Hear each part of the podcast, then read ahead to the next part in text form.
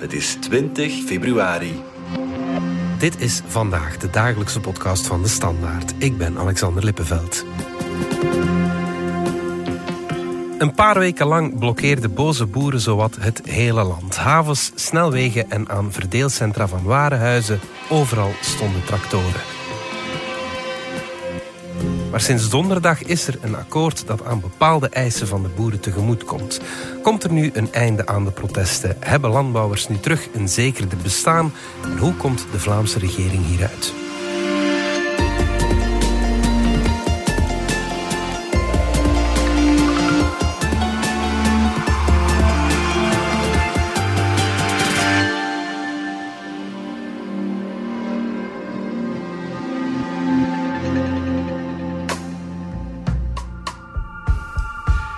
Dario van Vleteren van onze politieke redactie. De Vlaamse regering bereikte vorige week donderdag een akkoord rond de landbouwsector. Dat was geen gemakkelijke bevalling. Hè? Nee, nee. En eigenlijk zie je dat al uh, aan de tijd die de Vlaamse regering nodig had om dat akkoord te bereiken. Die hm. eerste protesten in Vlaanderen, want het was wel een Europees fenomeen. Die begonnen eind januari en het heeft toch tot half februari geduurd -hmm. om een antwoord daarop te bieden. -hmm. Nochtans was de belofte om heel snel, heel concreet te werken. Maar het is toch niet zo van een leien dakje gelopen. Ja, neem ons daar eens door, door, de, door dat proces, zeg maar. Wel, de boerenorganisaties, dus in Vlaanderen is dat het Algemeen Boerensyndicaat, de Boerenbond. En voor de jonge boeren is er de Groene Kring. Die mhm. werden uitgenodigd bij alle regeringen. Maar dat was heel moeilijk om je vinger daarop te leggen. Als je naar die boeren luisterde, dat ging over ja, de prijzen. Dat ging over milieu- en klimaatregelgeving. Dat ging om administratie. En specifiek voor Vlaanderen ook het stikstofakkoord. Ja, wat ja. Uh, veel boeren echt wel uh, ja. ja. slecht valt. Heel veel grieven. En dat, dat is drie weken geleden. Hè, dat, is, dat is ongeveer spreekt, ja. drie weken geleden nu. En eigenlijk is er toen beloofd van oké, okay, we zullen deze gesprekken gaande houden. En dat werd dan het strategisch overleg genoemd. Mm -hmm. Maar dat overlegmodel dat moest eigenlijk snel vruchten afwerpen. En wat hebben we gezien? Dat dat eigenlijk toch niet zo snel ging. En dat was ook deels omdat de Vlaamse regering er niet in slaagde om een bepaald pakket voor te stellen. En een waslijst aan maatregelen om te zeggen van kijk, oké, okay, landbouwers, dit is hoe wij jullie zorgen willen gaan beantwoorden vanuit de Vlaamse regering. Ja. Het stokte heel concreet op twee punten en dat was eigenlijk heel snel dat dat duidelijk was dat dat die twee punten waren. Het eerste was het mestactieplan. Mm -hmm. Dus dat is een, een plan om bemesting in Vlaanderen aan te pakken, zodanig dat we ook niet te veel milieuschade toerichten. We zijn nu bezig met het zevende mestactieplan te maken. En dat is vooral belangrijk voor de waterkwaliteit. Om bepaalde Europese normen te halen over waterkwaliteit. Mm -hmm. En nu in de nasleep van die betogingen zei de CD&V, wij gaan eigenlijk akkoord met een model waarbij de nulbemesting in vengebied er niet in zit de nulbemesting in vengebied ja. was het punt waarop dat die onderhandelingen ook waren afgesprongen. De landbouwers zijn daar geen voorstander van, de natuurverenigingen zijn daar ja. wel voorstander van. En dat van. wil zeggen dat je geen bemesting mag doen in, in, natuur, beschermde natuur. In zeer gevoelige uh, natuurgebieden. En dat gaat dan concreet over het Turnouts vennegebied. Daar is die problematiek heel levendig. Ja, ja, goed. Dat is één punt waar het op vastliep. Er was maar iets, het belangrijkste punt, en CD&V heeft dat eigenlijk bijna tot inzet gemaakt van die hele leidersweg naar het boerenpact. Dat was landbouwgrond. Landbouwgrond is duur, is schaars, komt vaak in het vizier, was het gevoel. En CD&V heeft daar eigenlijk onder impuls van voorzitter Sami Medi vooral dat natuurpunt aangevreven. Mm-hmm. Dus landbouwgrond die natuurgrond werd. En dat stak de boeren de ogen uit. En daar heeft Medi gezegd van oké, okay, daarmee moeten we stoppen als het gaat over uh, de gronden van onze landbouwers, dat die -hmm. ook wel landbouwgrond moeten blijven. Omdat het een heel belangrijke economische, maar strategische sector is uh, voor ons land. Natuurpunt krijgt heel veel overheidsgeld en is de derde grootste grondbezitter in Vlaanderen. Ja. Dus als die nu stoppen met landbouwgrond op te kopen, dat zal al helpen. Ja, dat schoot natuurlijk in het verkeerde keelgat bij NVA. Dus dat was eigenlijk een tegenstelling die al altijd er wat in zat in die Vlaamse regering. Maar met dat radiooptreden van Sami Medi zat, allee, was de waakvlam plots weer een steekvlam. Ja. En toen uh, reageerde de minister van Omgeving, uh, Zoual Dimir van de NVA. Ja, het is toch niet het volledige verhaal dat dat enkel de natuur is. En dan uh, kwamen er onder meer de, de, verhalen over verpaarding. Dus het feit dat er ook heel wat rijke mensen zijn die dan daar gaan wonen in landbouwgebied en paarden houden. Of landbouwgrond die wordt herverpakt tot industriegrond om er dan te gaan op ontwikkelen. Mhm. Dus dat zijn ook allemaal delen van het verhaal, zegt Timir, om, om te begrijpen waarom er landbouwgrond weggaat. Het is de zoveelste clash tussen CD&V en uh, eh, NVA, Dario. Inderdaad. En heel snel werd het ook duidelijk dat dit uh, een stikstof 2.0 kon worden. Dus je herinnert u de discussies over het stikstofdossier, waar dat ook CD&V en NVA in een landbouwdossier lijnrecht tegenover elkaar stonden. Mhm. Wel, dit was ook weer dat geval, zeer specifiek dan over het mestactieplan, waarin CD&V voorstander was voor een minder streng plan dan de NVA. Mhm. En op het gebied van landbouwgronden, waar de CD&V dan weer meer uitzonderingen en zo verder wilde, om dan toch zoveel mogelijk landbouwgrond met rust te laten en dat landbouwareaal zoveel mogelijk te beschermen, terwijl dat de NVA daar toch meer uitzonderingen op wou op die aankoop. Dus dat botste wel weer. En dat was een bekend verhaal, maar dat is politiek zodanig opgestookt geweest in die twee weken. Dat was eigenlijk heel snel na het stikstofakkoord. Die mhm. werd gestemd in het Vlaams parlement ongeveer een week voor die hele betoging. Ja. Jo Bruins, de minister van Landbouw, de CD&V, is heel snel naar buiten gekomen om, om te zeggen van we verdedigen dit, maar we zien dit als een overgangsdecreet. Dat is hoe dat CD&V dat verpakt is. Het is een tijdelijk decreet, want uiteindelijk gaan we dan naar een systeem dat gebaseerd is op een ander model, een beetje complex, dat noemt het emissiereductiemodel. En dat is eigenlijk wat het Boerenbond wil. Dus een ander soort van meten. En in die dagen dat eigenlijk ja, dat stikstofakkoord er net lag, was Zuhal Dimir, de minister van Omgeving van NVA, afwezig. Dat was door persoonlijke redenen. Maar de NVA heeft toen wel achterop geraakt in die hele boerendiscussie. Ja. Ik weet dat ze bij CD&V zeer tevreden zijn over hoe dat Broens heel snel gecommuniceerd heeft. Ook heel snel heeft gezegd van oké, okay, stikstofakkoord, bij een volgende termijn gaan we dat toch wat anders bekijken. Terwijl bij de NVA bleef het dan wat stil. Mm en dat heeft ook bij de CD&V dat vertrouwen gegeven van oké, hier kunnen we wel iets doen. En toen hebben ze begonnen over die landbouwgronden en heel specifiek natuurpunt genoemd. Wat dat dan natuurlijk recht in de winkel is van de minister van Omgeving, van uh, Zuhal Dimir. Dus toen zat het spel wel wat, uh, wat op de wagen, ja. Ze was ook kop van Jut in die betogingen. Hè. Demir, C4, dat was... Absoluut, uh, ja, De NVA is duidelijk, als je kijkt naar de pancartes die aan de tractoren hangen, dan is het duidelijk dat de NVA echt wel met het imago kampt van tegen de boeren te zijn. Elke NVA dat je opbelt over een landbouwdossier maken die nog eens heel expliciet duidelijk van nee, wij zijn, wij zijn wel voor de boeren. En, mhm. en dan verwijzen naar bepaalde plannen over, uh, om boeren meer marktmacht te geven. Maar je merkt dat het aan hun blijft plakken en dat ze daarmee verveeld zitten. En de CD&V ja, heeft eigenlijk dat omgekeerde imago dat hij echt wel aan de kant van de boeren staat. En Jo Bruns dient zich daar perfect voor. Die gaat heel vaak in discussie met de boeren. Ik ben ook meegelopen met hem. Hij doet dat op een zeer kalme manier. Het is soms een beetje een contrast tussen zeer kwade boeren en een zeer kalme Jo Bruns. Ja, ja, die dat wel handig aanpakt en die zaken wel meeneemt. En dan ook duidelijk maakt van kijk, dit is waar ik voor sta. Dit is waar de CD&V voor staat. Maar met de NVA is het moeilijk. Dus je merkt daar ook wel al die campagne in en, dat is iets wat ik niet meer zal weggaan ook deze, deze legislatuur. Nee, nee, nee. Maar goed, er is wel een akkoord. was dat verrassend op een manier of was het toch verwacht dat ze gingen landen? Ik vond het zeer moeilijk om in te schatten. De druk werd door de boeren wel hoog gehouden. Zeebrugge werd al enkele dagen geblokkeerd. Ja, toen op dat moment, die, die laatste dagen na dat akkoord, kwam dan de haven van Antwerpen in het vizier. Ja, dat is natuurlijk zeer symbolisch in de stad waar N-VA-voorzitter Bart de Wever de burgemeester is. Ja, ja. En dan waren er ook nog plannen om naar Gent te gaan en daar aan de haven hetzelfde te doen. Dus die druk om iets te doen, die was er ongetwijfeld. Maar het was heel moeilijk politiek gezien. Waarom? In die laatste dagen voordat het akkoord moest landen, ja, gebeurde er toch wel het een en ander. De nota bijvoorbeeld waarover de landbouwdelegaties en de Vlaamse regering onderhandelden op maandag. Dat was een overleg die dan uiteindelijk ja, besluitloos uit elkaar is gegaan. En dan zei de Vlaamse regering, oké, we hebben nog wat meer tijd nodig. Om dan op donderdag wel te landen. Mhm.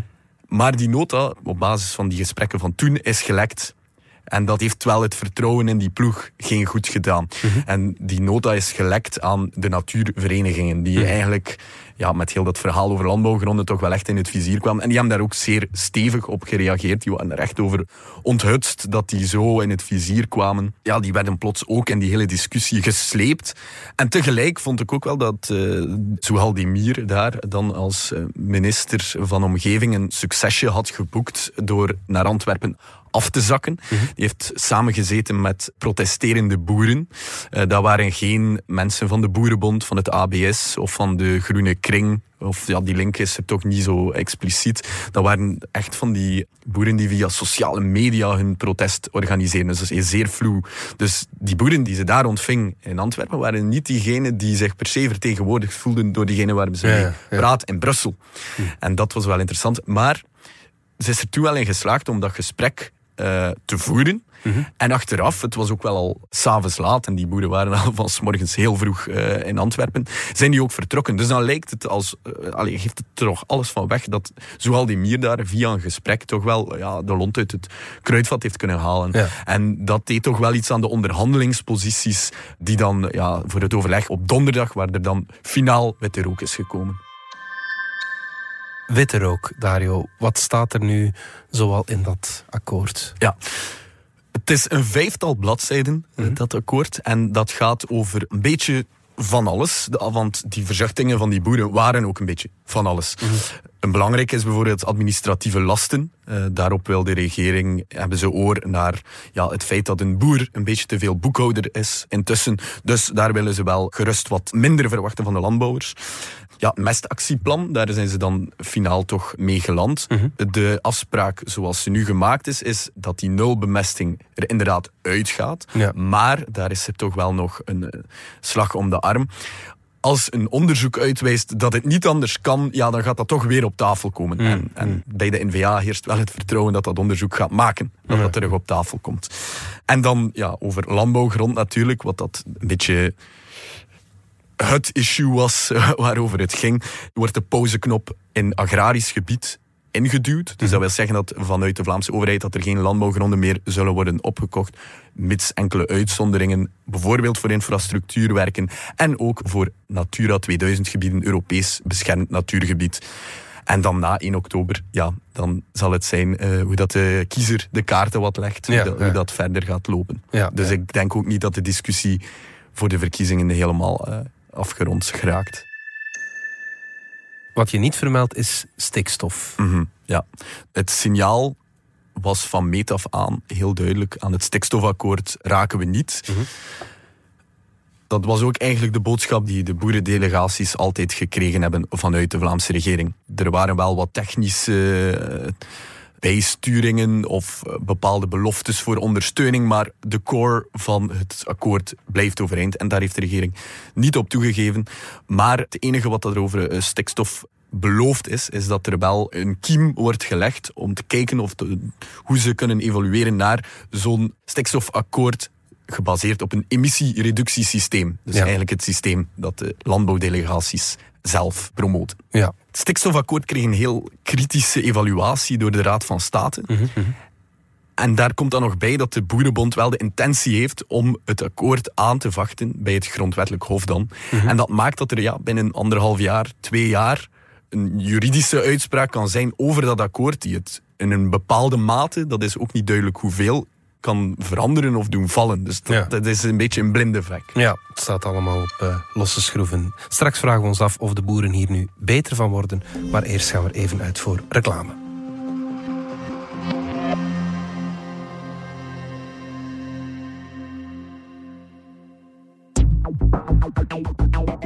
Step je naar de stad? Gebruik je een deelwagen?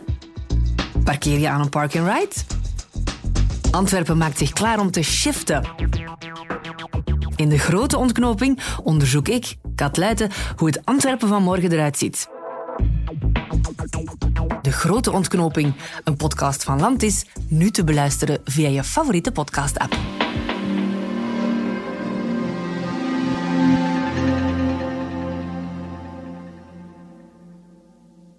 Dario, terug naar jou.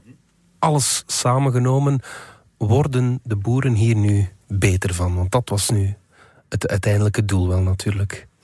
Ja, het is moeilijk te zeggen. Op korte termijn zijn er wel eh, bepaalde zaken die voor de landbouwers zeer uh, goed zijn. Bijvoorbeeld die administratieve lasten. Mhm. Dat zijn toegiften die de boeren op korte termijn wel, wel gaan voelen. Mhm. Nu, op langere termijn, en dat was ook wat uh, landbouweconoom Tessa Avermaat in onze krant heeft gezegd, is er toch wel meer twijfel. Bijvoorbeeld op de rem staan voor milieu- en klimaatmaatregelen. Ja, op een langere termijn. Een boer die eigenlijk heel afhankelijk is ook van natuur, die heeft er natuurlijk wel alle belang bij om milieu- en klimaatdoelstellingen te halen. Mhm. Dus als we daar dan van afstappen, is dat dan wel een stap vooruit. Mhm. Voor jonge boeren, eh, en dat was haar synthese, wat voor jonge boeren ben ik ongeruster, voor oudere boeren biedt het misschien wel wat soelaas. Wil dat zeggen dat die jonge boeren dan ja, nog niet van plan zijn om te stoppen met uh, hun protesten? Ja, dat is de vraag van 1 miljoen. Mhm. Eh, is dit voldoende om de protesten eruit te halen? De landbouwdelegaties, dus het ABS, de Boerenbond en de Groene Kring, vonden het uh, donderdag voldoende en zeiden ook achteraf, wij gaan dit nu communiceren aan onze achterban met de vraag om niet meer op straat te komen met tractoren en de rust te laten weerkeren. Uh, zelf zeiden ze van oké, we willen weg van een conflictmodel. We zijn nu in een overlegmodel terechtgekomen mhm. waarbij dat we via dialoog onze punten gaan proberen binnen te halen.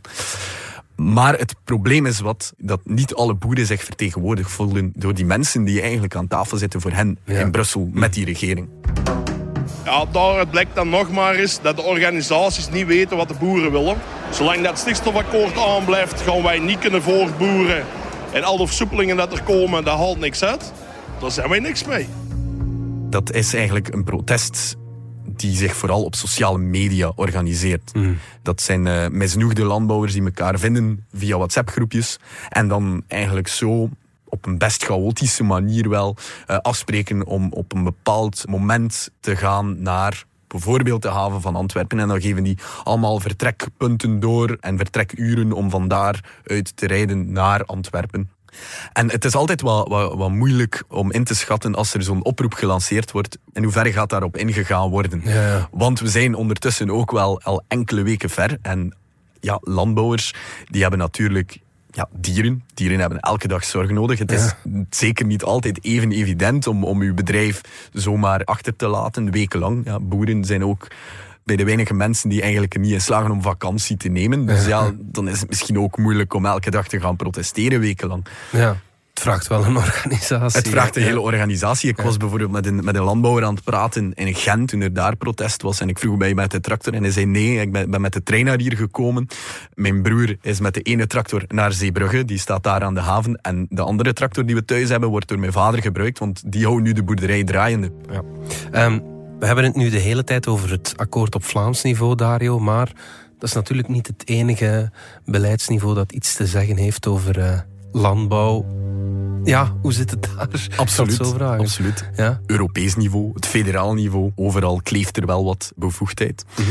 De federale regering, dus dat is uh, onder minister Clarien Val, die hebben nu een ketenoverleg op poten gezet. En dat is vooral kijken in die hele lange keten van, van op het veld tot in de supermarkt. Mhm. Waar wordt winst gemaakt? Waar blijft er hangen? Wat is er hier oneerlijk? Hoe kunnen we dat corrigeren? Dat is een oefening die vooral op het federale niveau gebeurt. En dan Vlaams en federaal hebben ook wat een gemeenschappelijke missie om ook richting Europa bepaalde verzuchtingen te vertalen. Uh, dus dat zijn wel zaken die dan een gemeenschappelijke inspanning zijn van de regeringen in ons land. En het Europees niveau heeft natuurlijk ook heel wat bevoegdheden vlak van landbouw. En daar hebben ze heel concreet al twee toegevingen in gedaan. Het eerste was die 4% braaklegging. Dus dat wil zeggen 4% van het land dat je niet bewerkt. Dat is een maatregel om biodiversiteit te goede komen. Mhm. En een tweede toegift daar was over pesticidengebruik tegen 2030 een bepaalde restrictie die wordt losgelaten. Mhm, mhm. Die discussies zeker naar het Europese niveau, die blijven gaande. Volgende week is er een overleg met landbouwministers in Brussel. En het is ook weer uitkijken komen er daar protesten bij kijken, ja of niet? Ja, ja, ja goed. Tot slot nog even naar het uh, Vlaamse niveau terug, uh, Dario. De regering ja, komt er hier wel weer gehavend uit, denk ik. Ja. ja. En het is opnieuw een landbouwdossier. Dus uh, stikstof was al x aantal tijd geleden een hele lastige. Dan hebben we naast heel het landbouwdossier, zoals we het nu gezien hebben, ook de elektrische wagens gehad. Die premie die toch ook echt niet van een leien dakje liep, waarbij dat er budgetair heel weinig ruimte werd gegeven dan aan Open VLD. En dat is eigenlijk diegene die in het landbouwdossier dan nog niet echt uh, diegene is die in het gevecht meeknokt. Mm Dus inderdaad, het is wel een opdoffer. Het is toch wel weer een, een wat averij voor de ploeg van Jan Bon. Zeker ja, zaken zoals dat lek naar die natuurverenigingen. Ja, dat speelt zeker mee. En ook gewoon, het is, de campagne begint en landbouw zal ongetwijfeld iets zijn waarop bepaalde politici zich gaan profileren. Mhm. Eh, ik denk heel concreet bijvoorbeeld aan minister van Landbouw Jo Broens, die afgelopen weekend in een interview heeft gezegd van kijk, ik zou heel graag nog eens de landbouwminister worden, maar dan wil ik ook minister van Omgeving zijn. Dus dat is de portefeuille van Mir. Moet dan ook bij mij terechtkomen, zodanig dat ik eigenlijk een coherenter beleid kan voeren. Want heel veel landbouwbeleid zit eigenlijk ook bij milieu, bij omgeving. Ja. Dus dat is wel een, een duidelijk signaal naar de kiezer toe. Ja, de campagne is uh, begonnen, zoals eigenlijk al even bezig. maar goed, Dario van Vleteren, dankjewel.